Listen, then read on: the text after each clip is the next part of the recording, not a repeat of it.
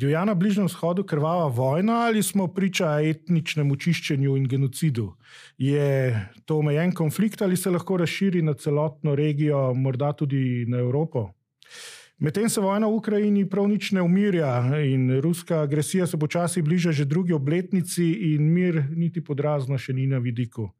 V zraku je tudi konflikt na Daljnem vzhodu. Kitajska je vse bolj nervozna glede vprašanja Tajvana. Um, Evropa se medtem sooča z valovi beguncev, položaj pa izkoriščajo tudi neželeni ekonomski migranti. Kako se na vse te globalne dileme lahko odziva država kot je Slovenija? Kako vsi ti dogodki vplivajo tudi na notranje politično situacijo v naši državi? Kam nas torej vse to skupaj pelje, nam bo danes v Sijolovem podkastu, s podkastu, poskušal pojasniti veleposlanik Vojko Vovk velik poznavalec slovenske zunanje politike, zdaj državni sekretar za mednarodne zadeve v kabinetu predsednika vlade Roberta Goloba, ki pa prevzema tudi naloge glavnega svetovalca za nacionalno varnost.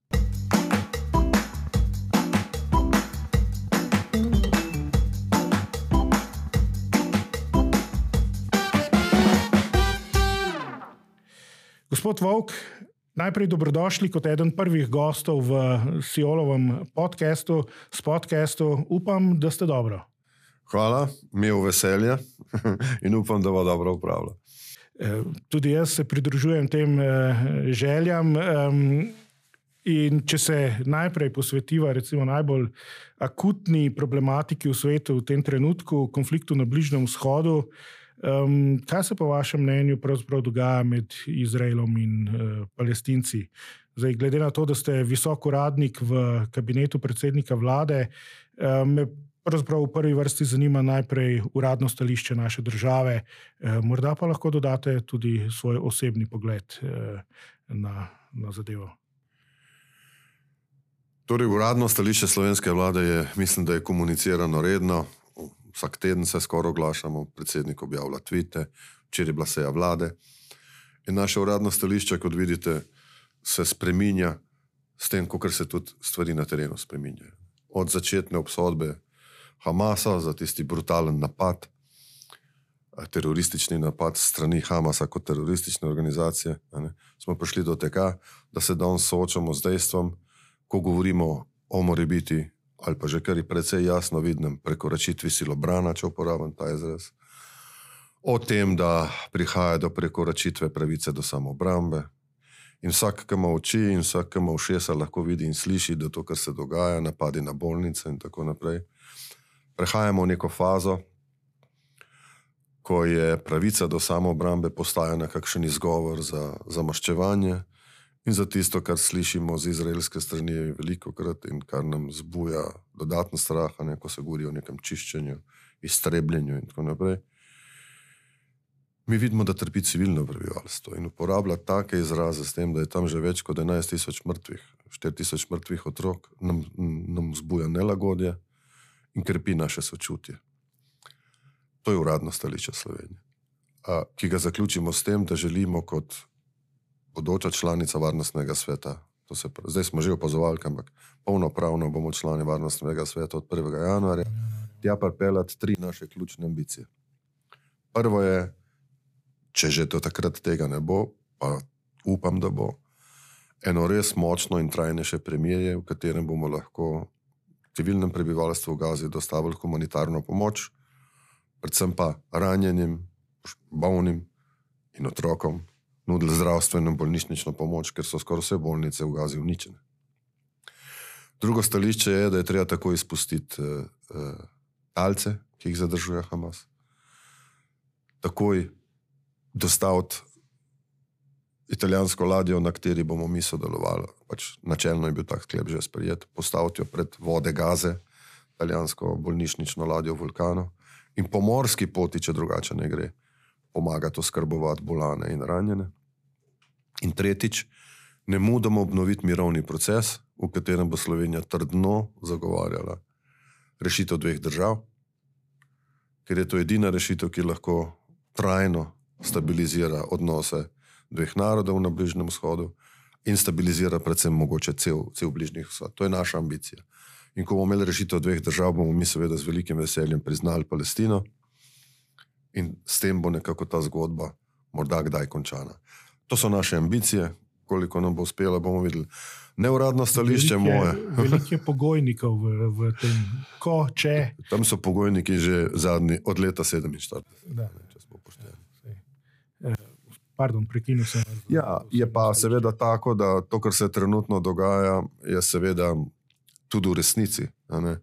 Eh, Če danes ugotavljamo, da tam od 18 bolnišnic skoraj nobena več nenormalno ne deluje, ne, eh, je to zdaj, po mojem, prva stvar. eh, Po humanitarni prekinitvi spopadov je prva stvar res eh, dostaviti bolnišnično pomoč. Mislim, da se je vlada slovenska uh, zavezuje k temu, oziroma predsednik vlade predlaga, da sodelujemo s to italijansko ladjo, ker nekako se mi zdi, osebno mislim, da bo to pač tudi edina in najhitrejša konkretna pomoč.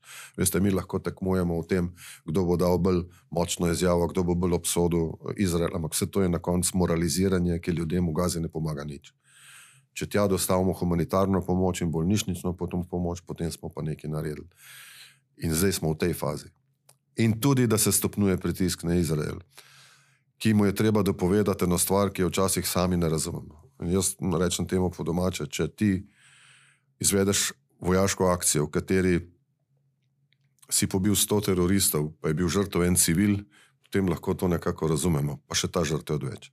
Če se pa stvar obrne, da za to, da ubiješ enega terorista, pobiješ 100 civilov, ne, potem pa to ne more iti tako naprej več.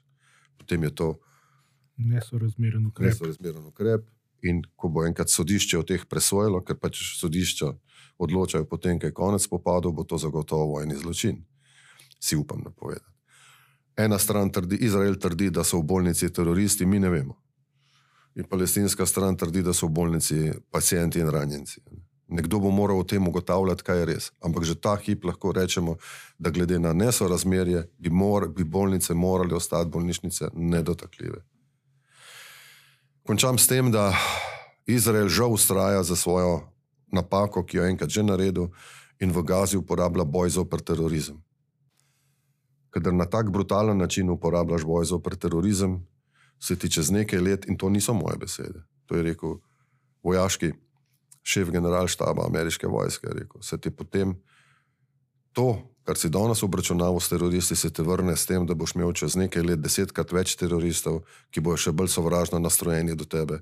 Ker če seješ, uh, Veter, žaniš vihar. In to, in to Izrael dela že drugič, če ne tretjič. V bistvu se to dogaja, kot ste že na začetku rekli, Ja. že vse od leta 47 naprej. Ta Mhm. spirala nasilja, kdo je prvi začel tako in eh, zob za zob, v bistvu. Oko za oko. se- In na koncu smo vsi slepi, je rekel Gandhi. Tako. um, In brez zob. Zdaj, rekli ste, da v bistvu ste napovedali, no, da bi Slovenija eh, sodelovala na tej um, medicinski, Ladji. medicinski vojaški ladji um, za humanitarno pomoč uh, prebivalcem. Gaze. Medicinsko. Ampak, če pa pogledamo še Evropo širše, ne, vendarle se to dogaja v, v evropski soseščini. In um, delajo se tudi usporednice, recimo z Rusijo, ne, um, pač konfliktom, rusko, rusko agresijo na, eh, na Ukrajino. In kakšen je bil odgovor uh, Evrope v tem primeru, ne, sankcije proti Rusiji, um, takojšna prekinitev odnosov, pomoč uh, Ukrajini, zelo aktivna, še vedno je. Um, tukaj pa v bistvu Evropa, ne vem, kot da pasivno opazuje um, dogajanje, ne poseže vmes, čaka na Ameriko, čaka na regionalne, um, ostale regionalne sile, ne, kaj se bo dogajalo.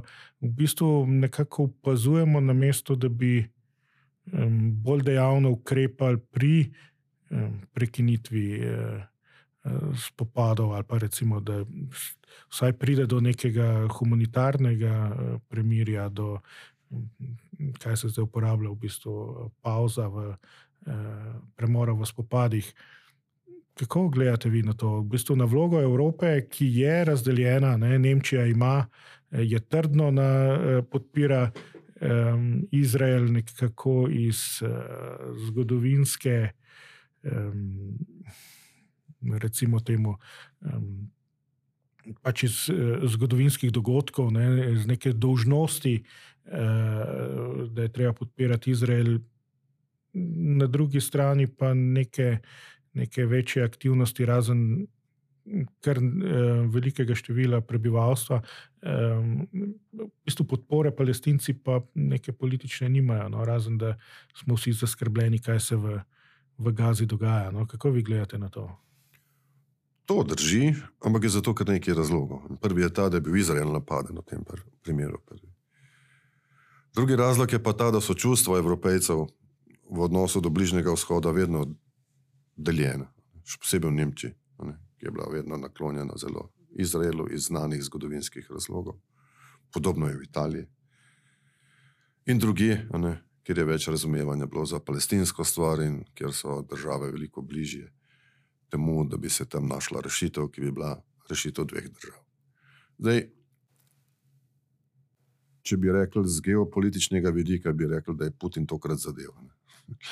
Putin je hotel razdeliti Evropo že z napadom na Ukrajino, pa mu to ni uspelo. In tam je Evropa presenetila, resnično presenetila samo sebe, da je vzdržala okay. tako veliko enotnost. To, kar te pa zadev v Ahilovo peto Evropske unije, vedoč, da so države razdeljene, zgodovinsko razdeljene, je uspel še dodatno te razlike uh, spodbuditi. In danes imamo situacijo, ko nekaj držav enostavno mogoče na koncu doskrat samo ena država ne dopusti ostrejše obsodbe za strani celotne Evropske unije, Izraela, ker pač imajo ene države na zadržke. Jaz pa mislim, da se bo to spremenilo, ker kot rečeno, ne, to, kar se danes dogaja v Gazi, ne, je, že, je že daleč na on stran zgolj pravice do samoobrambe. In zato ni treba biti ne sodnik, ne doktor, treba imeti samo oči in treba imeti ušesa. Zdaj, rekli ste, Putin je tokrat zadev. Ne? Veste, kaj več, eh, recimo, ali samo predvidevate. Eh, stoji, Vsi samo predvidevamo. Stoji je. dejansko Putin za eh, Rusijo. Recimo, v vsakem romanu od Agate Kristi je na koncu storil stiskamo od tega, kakšno korist. V tem primeru se je Iran pač razveselil tega, kar se dogaja. Tako da v Iranu ne dvomimo, da je bil vesel tega konflikta in razraščanja konflikta. Medtem ko Putin je en velik dobitnik tega konflikta, ker kot vsi veste, ne, tudi če ni imel aktivne vloge, pri začetku, ni imel aktivne vloge, je v bistvu ja, ja, ja, okay. seveda, ker smo vsi pozabili na vojno v Ukrajini. Smo, tudi mediji. Mi jo probamo še nekako ja, pokrivati. Ja. Rekel sem, da je to geopolitična ocena in geopolit, kot geopolitična uh mhm. -huh. ocena je pač taka. Ne. Mhm. Dokazov za to nimamo, ne, mogoče jih nikoli ne bomo imeli, ampak lahko pa, lahko pa kot geopolitično posledico tega Hamasovega napada na Izrael vidimo veselje v Moskvi, tega, tega pa ne skrivajo. Pač in, vid, in vidimo razdeljeno Evropo. Kako se vam pa zdi, v bistvu regija, ne omenili ste že Iran, Jemen je poslal neke rakete nad Izrael in tako naprej. Um, Zdi se, no, da v bistvu to, kar Izrael počne, je globoko kontraproduktivno za eh, njegovo, recimo, dolgoročno eh, varnost. Ne? In eh, v bistvu, če racionalno gledamo na situacijo, ne iz njihovih notranjih političnih eh, eh, vzgibov, ne, m, v bistvu tukaj lahko pride do resnega regionalnega konflikta. Ne, kako, kako vi gledate na to? In tudi v bistvu moje prejšnje vprašanje je bilo tukaj. Um, Tudi Evropa bi se morala tega zavedati, ne? da lahko pride do širšega konflikta. Vem, eh, turški predsednik Erdogan eh, v bistvu tudi stvari Izrael, ne? da izvaja genocid, da, da je v bistvu teroristična država. Eh, vse te napetosti se potem vedno odrazijo tudi, eh, ima posledice tudi za Evropo. Ne? Če ne drugače, v nestabilnosti eh, na njenih mejah ki, in, in vem, novih begunskih tokovih, migracije. In, eh, Posledice vedno čutimo mi v Evropi in tudi plačujemo mi. So vse nespametnosti. Ja, vse nespametnosti in vse norosti tega sveta na koncu plačamo v Evropi. Vsi begunci želijo iti v Evropo. Lahko se vprašamo, zakaj noben noče drugam kot v Evropo. Noben noče v Rusijo, noben noče na Kitajsko, noben noče v Iran. Ne? Ampak to je stvar ene druge debate. Jaz bi tukaj le rekel naslednje, da za enkrat, na srečo, in bi morali potrkati na les, ni nobene velike volje strani arabskih držav, ki seveda načeloma podpirajo in deklaratorno podpirajo Palestino, nikakšne želje za širitev spopada. To je dejstvo. Tudi na strani Irana. Ne? Iran, recimo, ki je šiitska država, neizmerno podpira Hamas, ki je šiitski. Zaradi tega, ker imajo skupnega sovražnika. Če ne bi bilo skupnega sovražnika, bi se seveda tam videli lahko drugačno zgodbo. Hamas je bil nekoč relativno nepomembna, islamistična, teroristična organizacija, katere ključna cilja sta bila dva: uničenje Izraela in vzpostavitev islamistične države s šariatskim pravom. Danes je postal glavna vest na celem svetu. Terorist, cilj teroristov je zmeri terorizirati in priti v medije. In Hamasu je to uspelo. Cel svet poroča o Hamasu. Pa je v primerjavi s Hezbolahom ali pa s kom drugim, ne, neprimerno manj pomembna teroristična organizacija. In če vam povem, da so, če sem vam zdaj povedal, kateri so ključni cilji Hamasa, ki si jih vsak lahko prebere v ustanovni listini, čarter od Hamasa na internetu, potem vidite, da za to našo rešitev dveh držav nimamo niti enega plesalca od dveh. Ne. Tega si ne, deli, ne želi ne Netanjahu, Izrael in tega se ne želi ne Hamas. Hamas si želi eno državo, kako že rečejo. Ne od reke do morja. Tako, ja, ki bo islamistična, šariatskim pravom, in da Izraela, seveda, več ne bo. Ne. Tako da, če bi hotel biti vsaj malo optimist, bi rekel, da ta krvav, brutalen spopad, ki naj se čim prej ustavi, lahko prinese do obnove mirovnih pogajanj, kjer bomo rabili neke nove igralce, ki ne bo ne Hamas, ne trenutna oblast v Izraelu, ampak dve strani, ki bosta naklonjeni temu, če mu rečemo, da rabimo dva za tango in, in ta tango bo rešitev dveh držav. Ali je to ta hip možno ali ne, ne vem, vem pa, da druge poti nimamo. In ta pot bo morala iti skozi Združene narode, predvsem. In tam bo Slovenija sedela v varnostnem svetu. Zanimivo je, da je to vprašanje tudi um, postalo nekako notranje politično vprašanje v Sloveniji. Um, tudi tukaj se je politika razdelila na ne, recimo vladno politiko, kjer je tudi prišlo do nekaterih um, pobud, recimo uh, levice, eh, ki grejo v takojšnje priznanje Palestine in tako naprej. Na drugi strani imamo pa kar um, enotno uh, desnico, ki, ki pa v bistvu. Um, Brez nekih uh, rezerv in pomislekov podpira Izrael, in um, tudi v vsem tem, kar smo zdaj le govorili, da je to pravica do samoobrambe in da je odgovornost tudi za vse te prekomerne civilne žrtve na območju Gaze, v bistvu na Hamasu, ker prebivalce eh, eh, pač uporablja za nek živi ščit in se skriva za njimi. Skratka, ker se ne predajo, eh, so oni odgovorni za, za vse skupaj. Eh, skratka, kako vi gledate na to, da smo se uspeli pravzaprav na vprašanju, kjer zanimivo, vsaj za moje pojme, ne bi smeli biti razdeljeni, ampak smo se tudi tukaj skregali. Kako gledate v bistvu na to? Jaz se samo delno strinjam z vami. Jaz mislim, da sta skrajnosti, ki sta na eni in na drugi strani, da sta omejeni. In mislim, da je glavni tok. Recimo, da je na eni strani obstajajo vedno skrajnosti na levi, ki obsegajo 10% rekel, javnega mnenja, pa na desni, lihko 10% in glavni tok teče z 80 odstotki v pravo smer, da se lahko jača na obeh straneh, bom rekel, ta sentiment, ne, zelo proizraelski ali pa zelo pro-palestinski. Ampak, če sem prav razumel, so reakcije vlade dovolj primerne, da je ta mainstream ohranjen.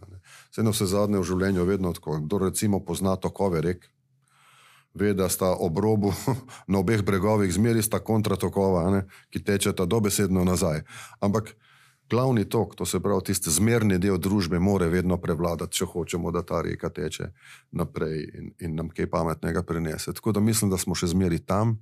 Jaz mislim, da zahteve po takojšnjem priznanju pile Palestine, da so mimo, ne, tega, ker ta hip bi takojšnje priznanje Palestine lahko pomenili interpretacijo, da priznavamo Hamas ki želi uničiti Izrael. Uh, predvsem pa priznanje ene države ni, na, ni, bom rekel, stvar neke politične ocene, zakaj to narediš, uh, ali pa zato, ker hočeš nagraditi neko ali pa sankcionirati neko trpljenje, neke, nekomu drugemu nekaj pokazati, ampak je to najvišji akt ene soverene države, da prizna drugo državo, takrat, kadar si ta država to zasluži. In kadar potem ima to priznanje en velik smisel, velika nagrada.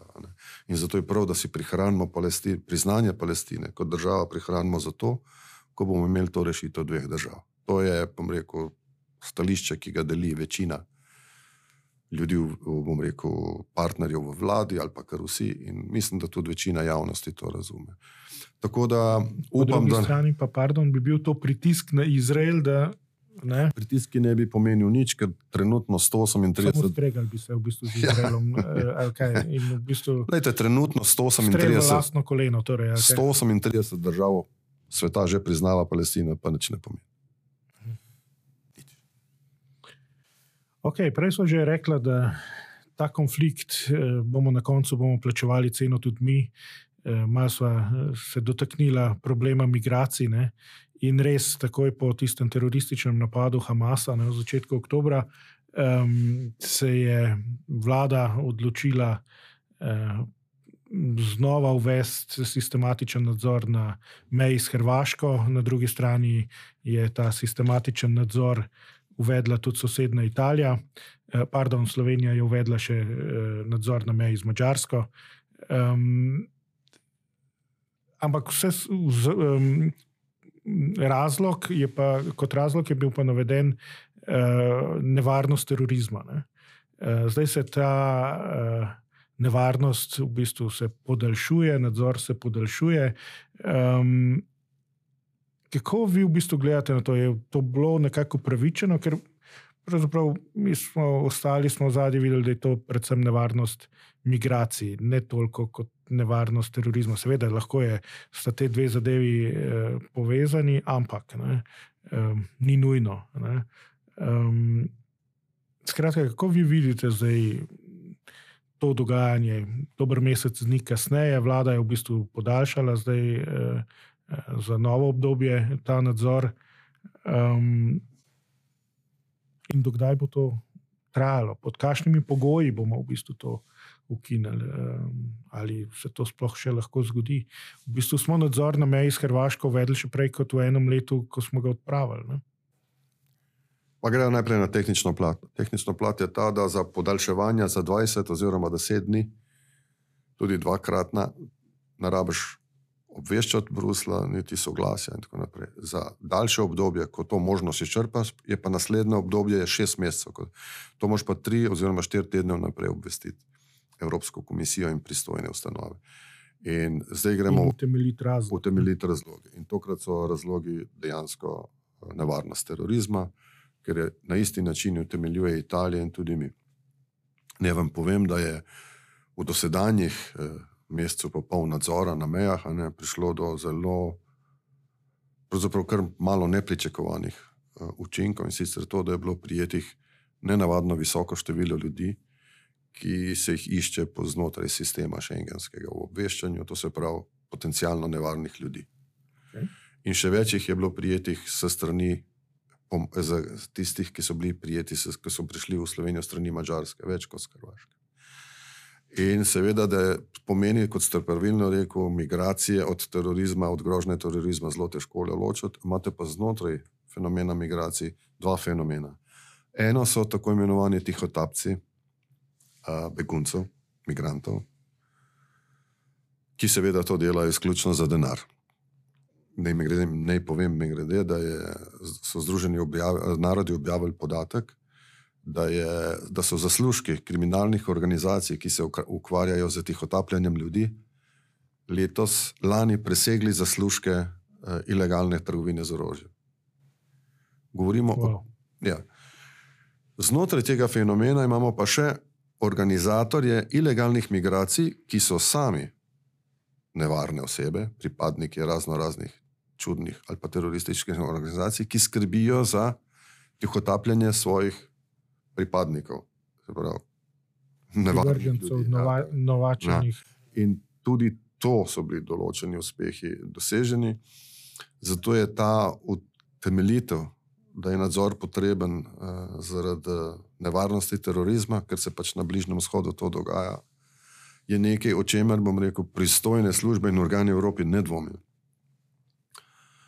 Italijanski notranji minister je utemeljil, italijanski Piantedozi, je utemeljil ukrep Italije z pojasnilom, da je neprimerno laže kontrolirati nevarne migrante, kadar prihajajo po morskih poteh, ker dejansko vse primejo, vse lahko potem preučijo, naredijo triažo, kot se temu reče, kot pa tiste, ki pridejo po morskih poteh, po balkanskih poti, ker dejansko jih ogromno sploh ne primeš, se ne prijavijo v postopke in tako naprej. Tako da to je en fenomen, ki je trenutno razlog za ta ukrep. Smo pa na zadnjem obisku v Rimu se strinjali z italijansko predsednico vlade Meloni, da absolutno delamo na tem, da je ta ukrep začasen in da ga bomo po šestih mesecih, mislim, skoraj zagotovo prekinili. Ker nikakor ne želimo početi to, kar Nemčija, Avstrija in še nekaj drugih držav dela že od leta 2015, se pravi, da že devet let ne prekinjajo izvaja, izvaja ta nadzor, kar je tudi že v, precej v nasprotju z določili šengenskega zakonika, pravilnika. Tudi sodišče EU je to potrdilo. Tako, je, ja. tako da mi dejansko želimo verjeti, da delamo nekaj, kar bo v korist tega, da Schengen obstane. Ker če bi ne delali nič, ne, potem bi na koncu državam ostalo samo to, da druge drugi ukinejo Schengen ne, in potem ga ni več. In zato je edina logična rešitev, pa res mislim logična, zdravo razumska, če hočete, je ta, da je veliko bolje ščititi zunanje meje šengenskega prostora, to se pravi na meji med Hrvaško in Bosno, Hrvaško in Srbijo, kot pa znotraj delati pregrade. Ne ki niso toliko učinkovite, kot takrat, ko ščitimo učinkovito na zunanji meji. Naj izpostavim primer Makedonije. V Makedoniji je kar precej močen tok bil svoj čas. Potem je pa Makedonija privelila v to, da, ta, da ima Frontex na zeleni meji. Od takrat preko Makedonije se ne hodi več. Hodijo preko Bolgarije, ampak da je možno ukrepati, je, je primerno. Dokaz, ja. Ampak ravno to, ne, zdaj, ko jaz gledam v bistvu to situacijo, pojavlja se skupno ukrepanje, skupno, skupaj smo močnejši, skupaj zaščitimo zunanje meje, da nam bo v notranjosti, v zaledju boljše. Ampak potem pa ta izraz nezaupanja, kot države same spet vzamejo zadeve v svoje roke. Ne. In če smo mi to uvedli do Hrvaške in Mačarske, je to izraz nezaupanja nas do njih, ne, Italija do nas. Po drugi strani pravite, eh, premijer in pa italijanska, njegova italijanska kolegica Meloni. Eh, zadnjič v Rimu sta bila zelo dobre volje, v bistvu dosegla, eh, je bil uspešen ta obisk. Ne? Ampak po drugi strani imamo pa na meji ne, vem, ne samo policistov, ta mejna kontrola z italijanske strani ni samo za ukras, dejansko ustavljajo eh, promet in pri tem jim pomaga celo vojska, kar bistvu pomeni, da lahko to razumemo kot eh, dodaten izraz nezaupanja do Slovenije ali pač ne. Kako? No, na videz je paradoks, ampak se, se samo razloži. Uh, Paradoks je, da z ukrepom ukinitve nadzora notranje meje v bistvu želiš posredovati v zaščito Schengena. Če ta ukrep narediš iz razloga, kot ga dela Avstrija, recimo do Slovenije, ne? ker je ključen razlog, ajmo demo reči, ker Nemčija dela nam, potem delamo tudi mi. Ostalim, pa čeprav čez karavanke. Tako je, zelo malo ljudi gre čez karavanke v Avstrijo. Uh, uh, ampak ta ambicija je, je, je srčna, je, je resnična in uh, želimo s tem pokazati, da je treba ščititi zunanje meje. Seveda, tudi Hrvaški bi zelo radi pomagali pri zaščiti zunanje meje, vendar mora Hrvaška potem sprejeti odločitev, ali bo pomagala nam, da se Frontex postavi na zeleno mejo v Bosni ali pa na Hrvaškem. Nam je vse en ki. Ampak primer Makedonije nam kaže, da je možno biti uspešen pri tem. In verjamemo, da je neprimerno bolje za ohranitev Schengena, da, da ta ključna pridobitev Evropske unije ob evru obstane, je ta, da ukrepamo, Druga možnost je, da ne ukrepamo. E, potem pa še paradoksa nimamo, in potem nič ne delamo. Ne? In potem se ljudje sprehajajo sem tja, v glavnem hodijo. Potem se samo zgražamo. Potem bistvu. se samo zgražamo. Tako da med tem ukrepati ali ne ukrepati, smo izbrali ukrepati v upanju, da bomo čez šest mesecev lahko to ukinili. Po svoje izvajamo tudi pritisk na Hrvaško in Mačarsko. Izvajamo pritisk na vse tiste, ki nimajo razumevanja za države, ki imamo probleme z migracijami. Teh držav je šest. Ostalih 21 držav, ne, recimo Poljska je tipičen primer, ali pa še kakšna država, ki, ki sploh ne želi poslušati o tem, da bi kakorkoli pomagala ali pa sodelovala pri reševanju problema, ki ga ima Italija. Italija ima ogromen problem za sredozemsko potjo, s temi ljudmi Italija lepo ravna, to vidite vsak dan, ne, sprejema ljudi vendar jih nihče ne pomaga. Človeško ravna z njimi, zelo humano.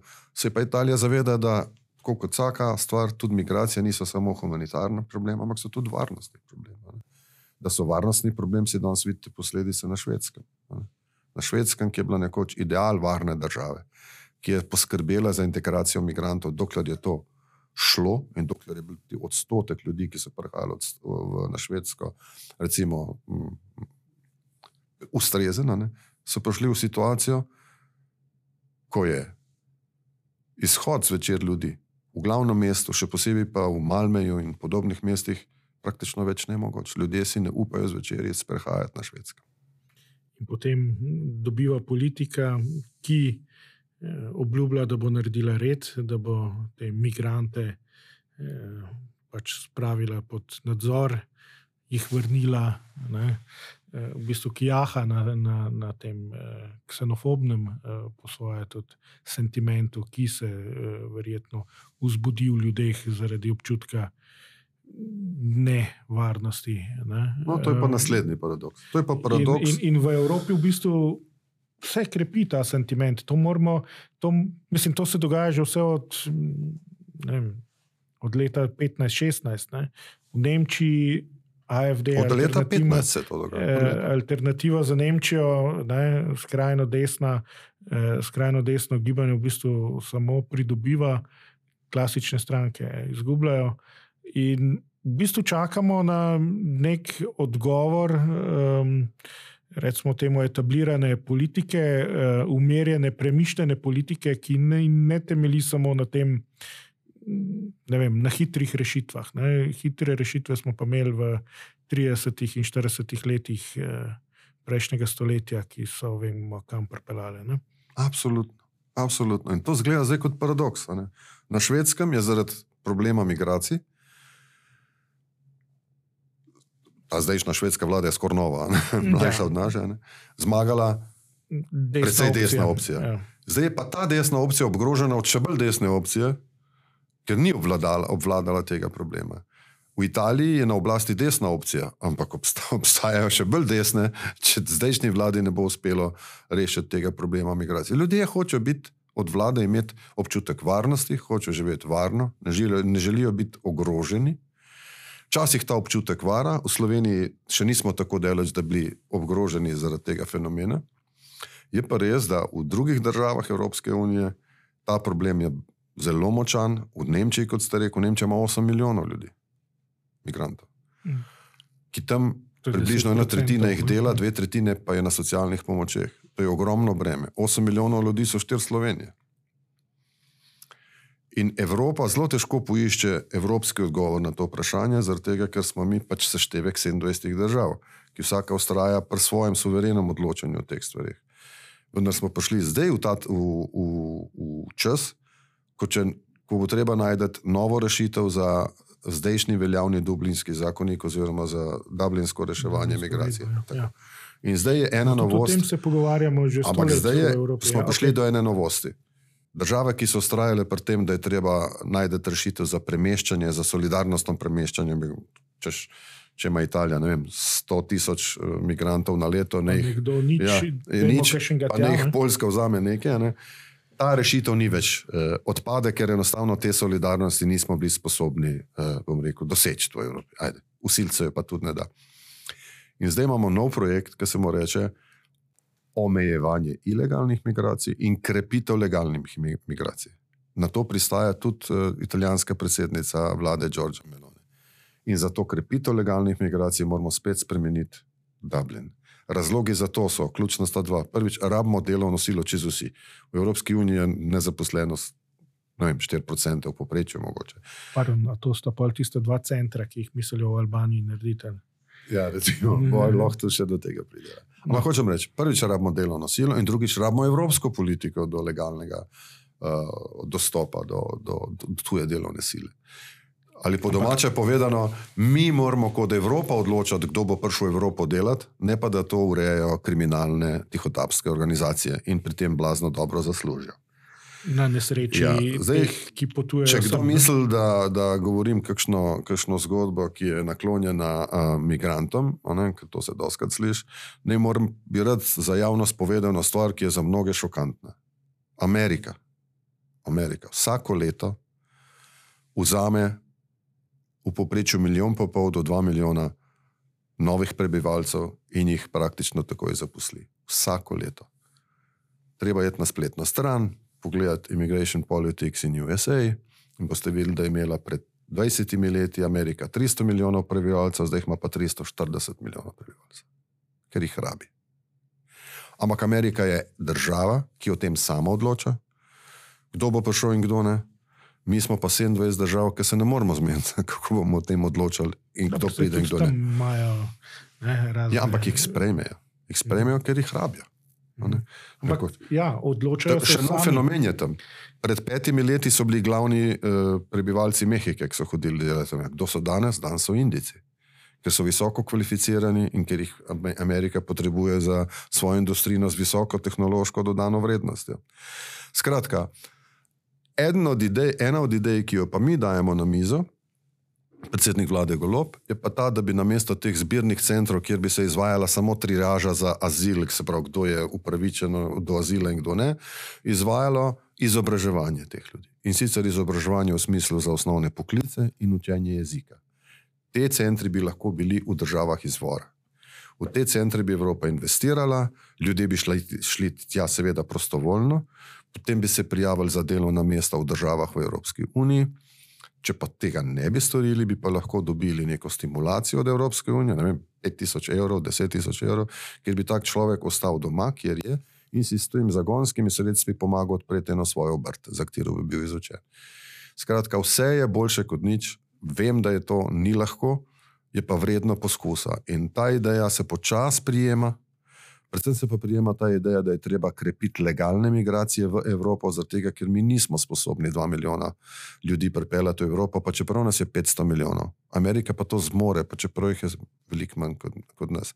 Tako se pravi, na tem področju migracij imamo ogromno možnosti za napredek, se bo pa treba en dan usesti pa zmeniti. Ampak tukaj takoj trčite, ker ste mi zdaj to govorili. Ne, sem takoj razmišljal pač o Viktorju Orbanu in eh, njegovemu ostremu nasprotovanju tem idejam. Tudi njemu je delo nasilje zmanjkalo, verjemite mi. In v bistvu utemeljevanjem z zaroto velike zamenjave eh, hočejo v bistvu naš karakter, te, ta zlobna Evropa. Eh, hoče naš karakter krščanskega, belega človeka eh, zamenjati s temi prišleki, migranti, ki ne sodijo v naš evropski prostor. Tudi to je v bistvu velik problem, da se Evropa ne zmore zmeniti, ker um, vendarle eh, na tem področju se še odloča s soglasjem. Um, pa če imamo še tako eh, človekoljubne, vem, dobrohotne eh, namene, vendar ne moramo ignorirati v bistvu takih vem, strahov, no, pomislekov, um, da si ljudje ne želijo imeti ob sebi tujcev. Um, in da je to nezanemrljiv delež prebivalstva. Ne. Ki pač ne razmišlja, recimo, eh, povsem racionalno o tem, da rabimo eh, tujo delovno silo, da jih v bistvu ne zanima. Naj to nekdo reši, ampak Vse vidite, v bistvu eh, tudi čist na, na, na, na lokalni ravni. Um, mi živimo tako, kot živimo. Um, v bistvu zadeve skupnosti države nas pa v naši vasi ne zanimajo. Naj, naj to odnesejo nekam drugam. Ne vem, odlagališče radioaktivnih odpadkov.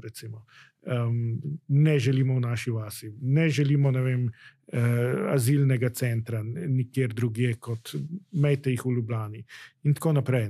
Uh, že težava je že z vem, odvisniki, ki se sami hočejo uh, zdraviti, pa ne, v naši vasi jih ne bo, ne, v našem naselju. Tako da, v bistvu, ignoranca tega ne, je ni najboljša no, za moje pojme, ampak kako pa iskati odgovore na to, kako ljudi pomiriti, ne, um, kako jim razložiti, to je, to je pa mukotrpno, po moje delo. Ne.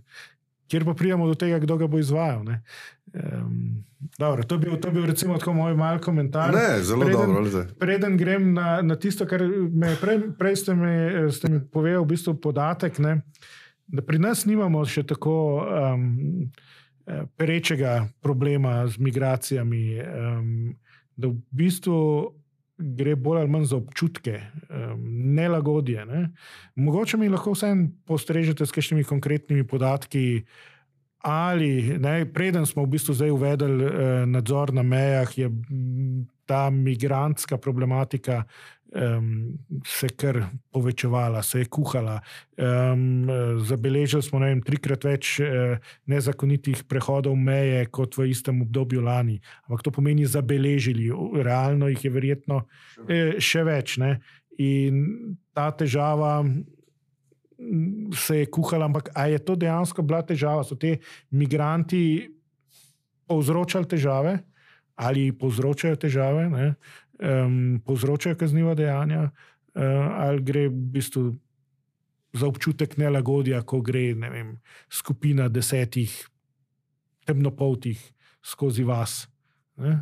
Smo, ne vem, slovenci, rasisti. Vem, kaj, kako vi gledate na to? Zaenkrat smo še zmeraj pri občutkih nelagodja. Je pa zmeraj več tega nalogodja zmeraj več, še posebej na prebivalcih na Viču, ne, ker vemo, da je azilni dom na Viču, v Ljubljani, ja, zelo obremenjen. Kaznivih devanj je nekaj več, ampak ne toliko, da bi rekel, da je zdaj to vse skupaj postalo varnostno tveganje. Govorim čist realno. Ampak tudi občutek ljudi, občutek nelogodja pri ljudeh, tudi občutek, da niso varni, mora vsaka normalna oblast upoštevati in mora reagirati in reagira se tako, da se tja pošle več policije, da se več ukrepa, da je več nadzora, zato da ljudje ta občutek eh, nelagodja ali pa strahu izgubijo. Isto je v Rigoncih ob meji, več policije, več prisotnosti policajev, pomaga ljudje se boš počutiti. Da bi bil to problem Slovenije, še ni, na srečo. In lahko delamo na način, da tudi ne bo. Ampak kar zadeva, bom rekel, uh, politike eh, našega soseda Orbana, on pač iz tega kuje politični kapital in to je usmeritev njegove vlade in tem, on tega ne skriva in na tem dela. Kakšni so rezultati te politike, se lahko pogovarjamo. Zakaj je inflacija dvakrat više na mačarskem, zakaj je mačarska porasti BDP-ja ni tako uspešna kot kakšne druge države, kot so recimo Balti, ki so veliko bolj odprti, ki so veliko bolj napredni, tehnološko in tako naprej. Uh, in zakaj na vse zadnje Slovenija še zmeraj ohranja vso svojo prednost iz, iz leta 91, iz, iz štartnega časa, ne? ker ne verjamete tem zgodbam, da so Slovenije že vsi prehiteli, nihče še ni prehitel, niti ena država. Treba je pač vzeti si čas, iti na internet. Ja, dohitevajo pa nas. Dohitevajo pa nas. In bom povedal, kaj se meni zdi, da je razlog, to dohitevajo pa nas, ampak še zmeraj niso čisto blizu pač podatki Svetovne banke, BDP na prebivalca, vse vse. Sloven, rast slovenskega gospodarstva je še zmeri 2,5, imate zdaj le, malo pred eno uro sem pogledal na SURS, napovedi so še zmeri pozitivne za slovensko gospodarstvo. Inflacija je malo visoka, ampak v mehkih državah, kjer je hrana draga, pač zaradi velikih razlogov. Ne, pa tudi težko regulirati cene energentov, je malo više inflacija od poprečja Evropske unije, nekako pričakovana, ker v velikih državah se pač to a, laže ureja. Tako da kakšnih razlogov za paniko, daleč od tega, da bi bili. Zaradi imigrantov. Ja, ni. Bomo pa potrebovali delovno silo. Kadar pade nezaposlenost pod 5-6 odstotkov, mi jo imamo pa 3-4 v Evropi, potem delovne sile praktično že ni več. Je zaposlenost polna, in za določene branže delavcev več ni. Se veste, da jih uvažamo vsako leto, ne vem, 20-25 tisoč. Ampak rešitev ni v tem. za majhno državo, kot je Slovenija, tako dobro razvito, s tako, bom rekel, klimo, uh, tudi poslovno, če hočete, ne glede na stopnjo na, na davke. Veste, zgodbe o tem, kako so v Sloveniji davki previsoki v razmerju na okolje, potem bi, če bi bilo to res, bi se vse firme že izselile Slovenijo v Avstrijo, pa se ne. Se jih pa veliki. Imam tukaj svoje mnenje. Ja, no. glede, Ampak dobro, to je mogoče. Iz Italije se še zmeraj selijo na našo stran, se pa nekatere firme, ki rabijo delovno silo in nižjo davke za določena področja, včasih izselijo na Hrvaško. O tem sem bil priča že, ko sem bil veleposlanik v Zagrebu in to drži. Ampak mi rabimo industrijo z veliko višjo dodano vrednostjo, kot je ta hip. Tudi proizvodnja mehanskih delov za nemško avtomobilsko industrijo ni več perspektive. Prihajajo električni avtomobili, električne baterije, ta delovna, ta je zelo eks, delovno ekstenzivna področje, se pravi proizvodnja mehanskih delov za nemško avtomobilsko industrijo, bo počasi ugaša, treba bo začeti upoštevati uh, nove tehnologije, kjer bodo delavci z višjo izobrazbo izobražali, eh, proizvajali veliko več dodane vrednosti kot ta hip. Zaradi tega se ne bi smel, bom rekel, biti žalostni, ker ena delovno intenzivna panoga. Ne, za dodano vrednost, ne vem, pod 40 tisoč evrov umira ali pa se seli. Treba jo nadomestiti z novo, z veliko višjo. Ta hip se nam na srečo to dogaja. Dve veliki farmacevski podjetji sta tako močno ukrepili prisotnost v Sloveniji, Sandos in Novartis, obe švicarski, da je danes zadnje dve leti Švica, prvi gospodarstvi, partner Slovenije. Ni več Nemčija. In to Nemčija, ki je bila 150 let, še iz časov Ranke Avstrije, prvi partner Slovenije. Ne. Selijo svojo proizvodnjo. Sem res, da je tle tukaj veliko, to moram reči, tudi administrativnega početja, se pravi eksport za reeksport in tako naprej. Ampak decembra se odpira novo, nova tovarna, začne se graditi nova tovarna v Lendavi, vreden investicija 400 milijonov, ki bo seveda usmerila, bom rekel, tehnologijo v Slovenijo proizvodnjo generičnih bioloških zdravil. To je eno popolnoma novo področje, kjer bo Slovenija v ospredju te tekme. Mi pa imamo v Sloveniji imamo lek, krko, pa še ta na novo razdeljeni Sandos in Novartis in še se zanimajo druga tuja podjetja. Recimo, ne, pa z veseljem povem, da obstaja ogromen interes strani južnokorejskih velikanov, Hyundai, Kia ali pa SK Group. SK Group je druga največja podjetja v Južni Koreji, ki v Sloveniji vidijo možnost za proizvodnjo na področju farmacije, polprevodnikov in pa seveda modernih tehnologij pri avtomobilih. Tako da preskok v naslednjo tehnološko fazo se dogaja danes in bi, bi, bi naredil primerjavo s tem, veste, če hočete doseči, da se v družbi nekaj spremeni, ne? tega ne morete narediti z dekretom. Pa, ne? Ko pridejo moji prijatelji iz juga, Eh, bivše Jugoslavije v Ljubljano, se pač čudijo še zmeraj, kako je čista, lepa, urejena in tako naprej. Da ljudje ne mečejo cigaret po tleh, pa papirčko in tako naprej. V glavnem ne. No. Uh, to se, v to je treba investirati nekaj let. Ne. Če sprejmeš dekret, ne smeš metati papirčka po tleh, ne, to ne bo. Če boš pa ti delal zavestno, z neko reklamo, z nekim PR-om, ne, da bo človeku neroden, če ga nekdo vidi, da je vrgel te potlehane, potem se pa to in isto je. Z spremembami kursov v tej državi. Aktualni vladi doskrat očitamo, da ni v letu, letu in pol nič naredila, ne, pa pozabimo, da je bilo vmes ali požari, poplave in tako naprej. Se pa ne da narediti z dekretom, pa za spremembo zakona, tega, kar vam zdaj govorim. Uh, Se pa to dogaja ta hip. In jaz sem vesel, da se to dogaja in da se dogaja pred našimi očmi.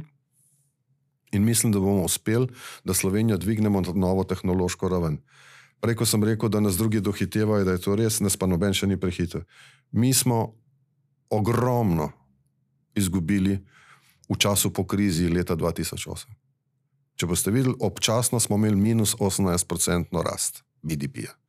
To je bil rekord v Evropi. In če je kdaj smo izgubili to našo razvojno prednost, smo jo v tistih štirih letih med 2008 in 2012. Vsak gre lahko pogledati tiste številke, pa bo videl, kako drastično smo takrat izgubljali. Vse so vsi izgubljali, ampak mi smo največ izgubljali.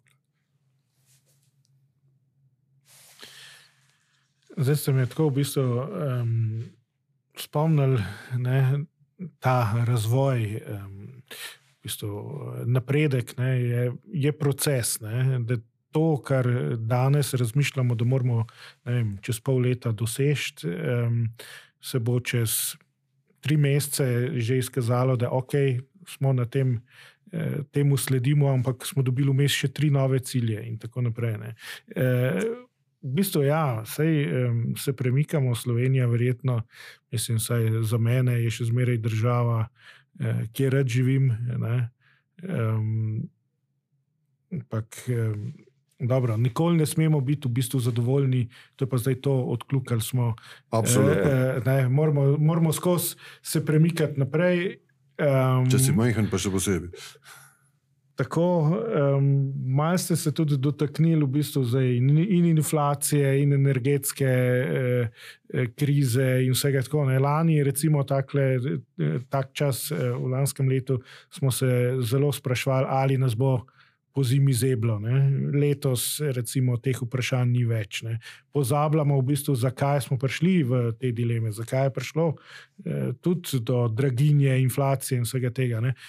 V zadnjem je bila v bistvu uh, ukrajinska kriza, ruski napad na, na Ukrajino, in uh, se je bilo treba odreči uh, sodelovanju z Rusijo, se je bilo treba odreči njihovim poceni energentom. Ne? In ta transformacija, zdaj, zeleni prehod, je Evropa v bistvu je že bila v tem, v tem procesu, ampak je s to vojno, pravzaprav je ta proces dobil še dodaten zagon. Um, pa preden greva v bistvu na oceno tudi uh, te ukrajinske krize, kajšno besedo moramo reči, vendar le tudi o tem. No? Ampak to, kje smo zdaj za to energetsko transformacijo, z zelenim prehodom, um, gremo z, z dostnim tempom naprej, ali spet zaplamo, kot marsikdo pač eh, tudi ocenjuje. Kaj mislite? No, dobro ste spomnili na, na lan, tak, takle čas, ki se ga zelo, zelo dobro spomnim. To je bil čas, ko smo s takrat, če posebno novim predsednikom vlade obiskovali, se srečevali v Bruslu na srečanjih Evropskega sveta. In tak, takrat so izkušnje predsednika vlade Goloba prišle tako prav, da je praktično na vsakem zasedanju, a ne eh, seveda, bil, bil poslušen. In predlogi, še posebej predlog o tem, da naj se takoj začne pripravljati platforma za skupno nabavo energentov se strani celotne Evropske unije. To se pravi, da se v bistvu Evropska komisija pogaja za, za cene energentov za 470 milijonov prebivalcev, ne vsaka država. A si predstavljate, da bi Slovenija sama morala uh, trgovinske skle, sporazume sklepati, ne bi bilo dobro. Tudi za Orbana ne bi bilo dobro. Naj bi imel Merkator bolj, boljše eh, pogoje. Nabavne, ja, je že Merkator, sigurno. sigurno. Znotraj Forte nove ja. grupe in je že mal večji player. Skratka, takrat je bil odgovor, v bistvu, neka, v bistvu nam je takrat Putin povedal, nas je prisilil, da smo morali reagirati na način, da če bomo reagirali skupaj, bomo lahko skozi prišli. Če pa ne bomo enotni, bomo pa visoko ceno plačali. In v bistvu je takrat svojo vitalnost Evropska unija dokazala. Takrat. In danes živimo lahko brez ruskega plina, praktično. Ni še čist, ampak ne, tragedije ni bilo. Napolnili smo že takrat rezervarje vnaprej. Odločili smo se, da bomo imeli skupno nabavo, predvsem smo pa se odločili, da si bomo solidarno pomagali v Evropski uniji. Zakaj? Zato, ker je nobena država nima podobne situacije, skoraj. vse so drugačne. In smo gotovili, da kdo bo imel več elektrike, bo lahko dal ponudbo elektriko, kdo ima več plina, bo ponudil plin, kdo ima več uh, vetra ali pa solarne, bo ponudil. In je ta miks teh, te, te, te, tega, tega, tega menjave tudi naš solidarnostni sporazum, ki smo ga sklenili takoj z italijansko vlado takrat, ne nam Sloveniji ogromno pomagal, ker smo takoj sklenili dogovor z Alžirom, obnovili pogodbo, ki jo je nekdo po veliki neumnosti v Sloveniji ne, leta 2012 prekinil dobavo alžirskega plina. Ne, misleč, da bo uh, cena ruskega plina še kar naprej padala, zale, lega zlomka. Leto po tistem, ko smo se odrekli alžirskemu plinu, ne, so začele cene ruskega plina rasti, ja, če si edini ponudnik, pol nabijaš ceno tako, kot te paš. Malo se je začela tudi kriza s Krimom. S Krimom že leta 2014 in tako naprej. Skratka, naredili smo neumnost, ki smo jo potem. Leta 2012. 2012 ja. Naredili smo neumnost, ki smo jo zdaj popravili. In ki smo ugotovili to strateško prednost in srečo, da imamo plinovod, ki prihaja iz Afrike preko Italije v Šempeter pri Novi Gorici. In zdaj je še dodatno strateškega pomena ta plinovod, tega, ker zdaj preko tega plinovoda mi bomo lahko ponudili plin, eh, ne samo porabili plin, ne samo za nas, ampak ga lahko ponudimo Avstriji in Mačarski. in južni Nemčiji, bavarski, če hočete. Tako da uh, smo veseli, da smo ta plin obnovili. Pogodbo bomo še pojačali v dobavah plina z Alžirom. Letos bomo odprli tam veleposlaništvo v Alžiru in smo veseli, da smo ta strateški uh, povezavo na novo naredili. Letos, letos, torej. letos so spet uh, kontejnerji plina polni. Mhm, okay. Hotel sem reči, letos odpiramo veleposlaništvo v Alžiru. Ja, ali, ja. Uh, to je zdaj le en mesec, še do konca leta. Ja. Okay. Ja. Uh, v bistvu je tam že naš diplomat, ki dela, gre se za formalno odprtje, ker dejansko že, že deluje. No? Se moram popraviti. Kar se pa tiče letošnjih razmer, je pa to, da je ta mila zima, ki je bila do zdaj, no zdaj vidite, kako to vpliva na plin, je že, že v resnici poskrbela za to, da, da, da je zelo težko verjeti, da bo kakršen koli problem s plinom v, v letošnjem letu. Ne. Praktično plin se je do, do tako mile in tako tople jeseni ni bilo. Ne. Takrat se ponudniki plina niso zadovoljni, ker pač ne prodajo plina toliko, kot so ga planirali. Tukaj sicer prehajamo na drugo težavo, ne? podnebne spremembe, eh, ki za sabo prinašajo podnebne ujme, kakršnih smo bili letos poleti, priča dobesedno Slovenijo najprej peskalo, toča. Potem pa uničujoči ne, viharji in poplave, ne, plazovi. In to še zdaj jeseni smo imeli tudi drug val, ogromno škode. Tako da plin očitno je res naš najmanjši problem, ampak vseeno je dobro, da, da je ta problem odkljukan. Pojavili so se, tako, kot sem prej rekel, že ne. Eh, pojavili so se pa že tri novi, ki jih moramo spet rešiti, in spet eh, smo nekje pod pritiskom, kaj se dela tukaj, kaj, kaj se ne dela. Um, ampak v bistvu v tem, kot so že prej rekla, ne, ruska, ta ukrajinska kriza je bila nekako sprožilec za um, tudi to energetsko krizo, ki je danes mogoče eh, Obvlada. že obvladana, odkljukana. Um, ruska kriza pa še kar ustraja. Um, kako vi mogoče ocenjujete zdaj situacijo tam na, na bojišču? Spomladi, v bistvu recimo, če, če rečemo v začetku, konc zime, no, se je napovedovala eh, velika ukrajinska spomladanska ofenziva, ki naj bi eh, bila nekakšen pokazatelj, če bo ukrajinska vojska uspešno eh, zlomila eh, ruske, ruske sile, potem so zmagali. Če pa si bo polomila zobe, um, se bojo pa začela pogajanja. Ne? Ampak v bistvu zdaj je zima na vidiku, zgodilo se ni pravzaprav nič, vojna izčrpavanja se nadaljuje, na tisoče novih žrtev, o miru se nihče ne pogovarja, um, niti nekih pobud ni, um, da bi pa v bistvu no, neke pobude že, ampak uh, so recimo izven uh, teh. Centrov moči, če bi rekel temu, tistih politikov, ki odločajo o, o zadevi, um, kaj, koliko časa bo to, bo to še trajalo, kakšne so kaj, vaše ocene ali pa mogoče ocene tudi kakšnih NATO-vih strokovnjakov. Imate um, kakšne, no, mogoče lahko postrežete s kakšnimi. Vsaka ocena je dovolj dobra in vsak zase je lahko strokovnjak za tisto, kar se tam dogaja, ampak spet se pozivam na zdrav razum in na oči in na všesa, ki jih ima vsak človek vidite, da tam je bilo že precej zob polomljenih in da, ta, in da ta vojna ni več vojna, ampak je vojna izčrpavanja. Zdaj gre samo še za. Prva svetovna vojna, v bistvu, ja, pol se ponavlja. In ko, so, ko, ko, ko vojna izčrpavanja doseže svoje, svoje, svoj limit, ne, potem, se, potem je volja za pogajanja in za, do, za doseganje nekega menu se poveča. Vas moram tudi popraviti, da v bistvu pogajanja oziroma pogovori o miru nikoli niso bili popolnoma zamrli, še danes obstajajo, strani se sestajajo, vsak ima svoje pogoje.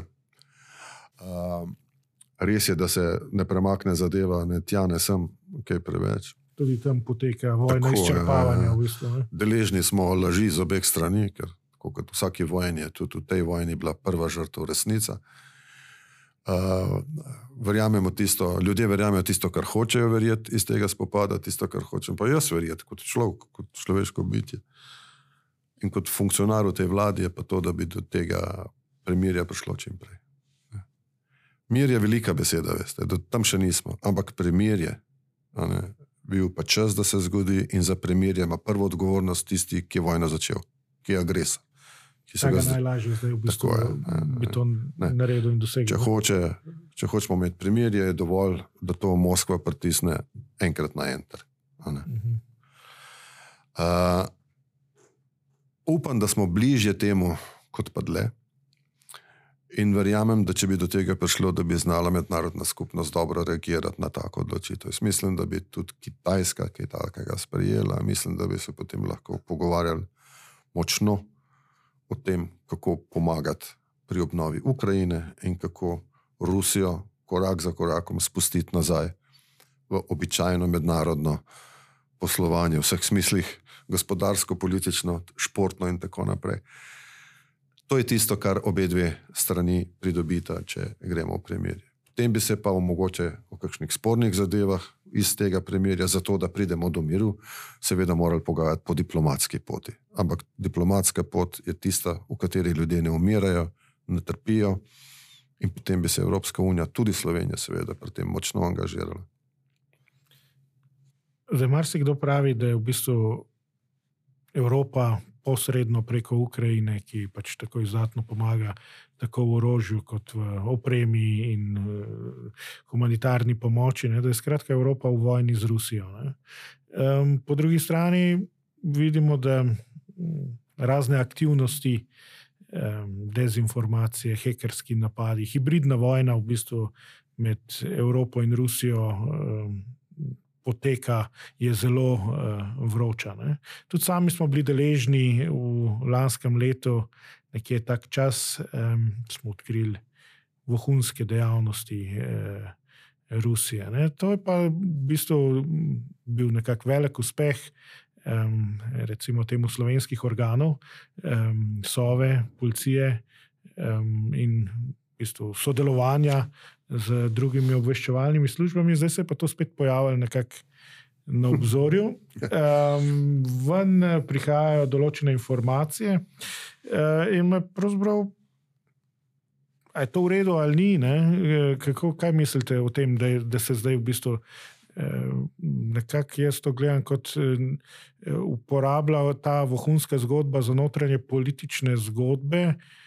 Um, Ampak, ok, to je lahko moje mnenje, vendarle pa to gledajo nas tudi eh, naši zavezniki. Kako vpliva zdaj to na, eh, na naš položaj države? Ali smo resni, nismo resni, ima sploh kakšen vpliv ali je to pač nekaj, kar se dogaja.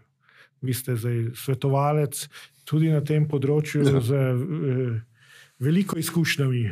Kaj vam povejo kolegi iz drugih držav? Bož, da ne povem, kaj mi pravijo kolegi. To tega res ne smem povedati. Skratka, spremljajo in uh, niso. Pa že mislim, kako spremljajo. Pa že kako spremljajo. S, pa tudi tuji predstavniki v Ljubljani, ker veste, da imajo ambasade tuje države. Ne. Zelo čudijo temu, kar se dogaja. Ampak. Naj vam najprej odgovorim na to vprašanje, glede, glede tega, da sta, si, da sta v vojni Rusija in Evropa. Ne, ne čuti. To je pač rekel, neko metafizično bluzenje halucinacija. A, tudi, če hočete. Zaradi tega, ker v Rusiji ni nobene vojne. V Rusiji ni nobene podrte bolnišnice. Noben otrok ni umrl zaradi te vojne. Noben ruski prebivalec ni bil ustreljen zaradi te vojne. Ta vojna se dogaja v Ukrajini. Rusija je v Ukrajini agresor, tudi v Evropi ni nobenih žrtev. Zato je tako, taka teza, eno norčevanje iz vseh žrtev, ki so padle v Ukrajini. Ki so padle zato, ker si je nekdo zamislil, da si bo prevzel nazaj ozemlje, za katerega misli, da mu zgodovinsko pripada zaradi katerega si je že leta 2014 priboril Krim nazaj in ga anektiral, zato ker misli, da mu pripada. Vedno opozarjam na to. Če bojo vsi veliki narodi rekli, da jim pripada tisto, kar je bilo zgodovinsko njihovo, si pogledajte trianonsko, bom rekel, mađarski, zemljevid mađarske petrianonsko pogodbo, Avstrije, Italije, Turčije. Poglejte si te zemljevide, pa boste videli, da slovencem ne ostane niti firtl z te zemlje. In zaradi tega se čudim ljudem, ki so imeli tako nenavadno razumevanje za početje Rusije, ne, ne da bi pomislili na to, kaj se zgodi Sloveniji, če si naši sosedje zaželijo nazaj svojih zgodovinskih ozemelj, ker jim je kao to vedno pripadalo. Ne. In da jih izzivajo Ja. z, z tem, ker se Skratka, o povezujejo teh druge asociacije. V virtualnih vojnah med Evropo in Rusijo je sramota sploh govoriti, glede na to, da vse žrtve, vse žrtve so v Ukrajini, še posebej pa vse civilne žrtve so v Ukrajini. Okay? Da ne govorimo o tragični bilanci na obeh stranih vojska, ki je verjetno nekajkrat višja, kot so danes uradni podatki. Kar se pa tiče posledic za Slovenijo te, te vojne, so te posledice pač enake za celo Evropo, podobne za celo Evropo. In za nas je bila izkušnja z temi ruskimi vohuni nekaj, kar, s čimer smo se prvič soočili. Prvič. Uh, v 33 letih te države se nam kaj takega ni zgodilo in smo dobili na, na mizo eno porcijo, porcijo vročega krompirja, kjer smo se morali sprotočiti, kako se ta stvar obravnava. Vam pa moram reči, da sem ponosen na to, da v dveh mesecih po aretaciji o tem nihče ni vedel. To se je redko zdaj zgodilo. Žal se je pa potem pa začel pretirano govoriti o tem, pretirano so prihajale informacije v javnost. Hkrati s tem, ko se je začel sodni proces, proces zoper ta dva ruska vohuna, ki sta bila sicer formalno argentinska državljana. In danes smo v situaciji, ko se o tem pogovarjamo kasneje, in v katerem visoki državni funkcionarji pozabljajo na to, da je njihova obveza, da državne tajnosti nesejo sabo v grob. V grob. Pa jih ne. In tle je točka, seveda, kjer se potem naši tuji sogovorniki čudijo, ne, čemu smo bolj podobni v teh zadevah, državi ali taborniškemu društvu. In v tem hipu smo bližji taborniškemu društvu kot državi. In to za slovence ni nič novega. Mi pač v vseh teh letih našega obstoja kot naroda smo razvili do države odnos, kakršen je bil normalen, ker svoje nismo imeli, ampak do, do beneških oblasti, do oglejskih, do avstrijskih, jugoslovanskih, ne, ni bila naša država. In zdaj, ko imamo našo državo, te vrednote še nismo z, us, uspeli, če uporab, uporabim ta butast izraz, ponotranjiti. Nam so blizu človekove pravice, pravice posameznika, vse te pravice imamo za svojo vrednoto. Da je pa država vrednota, ki jo je treba ščititi, varovati njene tajnosti. samoumevnega. ne? Ja, ja, tega pa ni. Ne. Mm. In danes lahko gledate to, to, to, to predstavo, ne, ki je čudna, ki v normalnih državah, bom rekel, kratko, ne, ni možna. In se moramo s tem soočati. Ampak jaz vam povem, da to tej državi in njenim interesom škodi in vpliva tudi že na ta proces, ki poteka uh, zoper ruske vohune. Tako da jaz bi si želel, da se ta kultura, dejstva, da je država vrednota. Zakaj? Ker je država tista, ki daje pravice posameznikom. Nihče drug na tem svetu jih ne daje. Ne? Jih ne daje Franc Francija, ne Evropska unija, ne Nemčija. V tej državi daje vse politične, socialne in demokratične pravice posamezniku, ta država, slovenska država, ki ima zastavo in grb, ne? ki, kot vidite, jih največkrat vidimo v planici na skokih, drugače pa zastave v Sloveniji, redko kdaj vidite, da vihrajo. In to je povezano s tem, po mojem, upam, da bomo rabili še 30 let, da bomo imeli do države normalen odnos. Pa če že državljani, a ne, ne, potem pa vsaj tisti, ki se ukvarjajo s tem profesionalno. To se pravi tisti, ki delajo v državotvornih ministrstvih, v vojski, policiji in diplomaciji. So stvari, ko je treba nesti državne skrivnosti sabo v grob. Tako je. Ampak vse veste, ne, da te stvari, mislim, to, kar ste zdaj povedali, v bistvu na neko preiskovalno komisijo ne bodo prav veliko imele vpliva in bojo hoteli dobiti neke eh, odgovore, kaj je predsednik vlade ukazal eh, direktorju Sove in ta naprej direktorju NPU-ja in ta obvestil generalnega, takratnega generalnega direktorja policije oziroma VDA. Ne, in tako naprej, in tako naprej. Um, ampak kaj, govorim seveda o tem, ali eh, naj bi, da je pač predsednik vlade zahteval um, preložitev aretacije teh dveh vohunov zaradi referendumov, ki so takrat uh, potekali ne? in se je potem zdaj unela cela razprava, ali je to smel ali ni smel. Eh, ampak ne vem, v vsej tej razpravi nismo prišli ne, do nekih dejstev. Ne? Se mi zdi, da kar slonimo na. Eh, ta je rekel to, on je rekel malo drugače, tretji je zanikal. Kaj, kaj pa govorijo dejstva? Zdaj, ne dvomim, da ste se vi eh, že precej podrobno pozanimali o vsej zadevi. Verjetno so obstajali določeni ukazi, zapisniki, obstaja kaj o tem, govorijo kakšni listinski dokazi o tem, o čemer se eh, pač teče beseda na tej preiskovalni komisiji v državnem zboru. Tega seveda ne vem. Ampak predsednik vlade s tem nima nič. Izhajam pa iz tega, da dva meseca nihče v tej državi ni liknil v javnost, da sta bila aretirana dva ruska vohuna. In naj še enkrat povem, zelo resna, zelo pomembna, ilegalna ruska vohuna. Ker vohuni se ločijo legalne, pa ne ilegalne. Ne? Ilegalne. Ja, ilegalni, ja, ilegalni vohunijo in če se jih pri tem dobi, se jih aretira.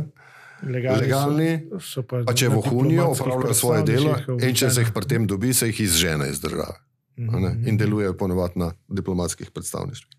Tako da, ki je ta zga, pa nas še ni bilo.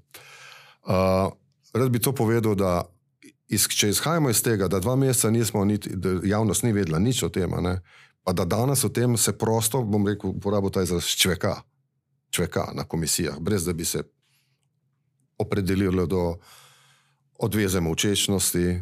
Brez, a, je, se... a je sploh to, kar govorijo, ne vem, bom tako rekel, ali je res, ali je ali so leži, ali je, ne vem, ali bo to treba dokazovati nekje. Kaj je dokazovati? Stvari, o katerih se pogovarjamo, ne smemo dokazovati. Ker se mi zdi, da, v naši politiki je doskrat tako, da nekdo vrže neke stvari ven in to postanejo kar dejstva, čeprav mogoče niso, nihče jih niti ne preverja, bi pa o tem moralo obstajati. Vem, Kot pravim, listinski dokazi.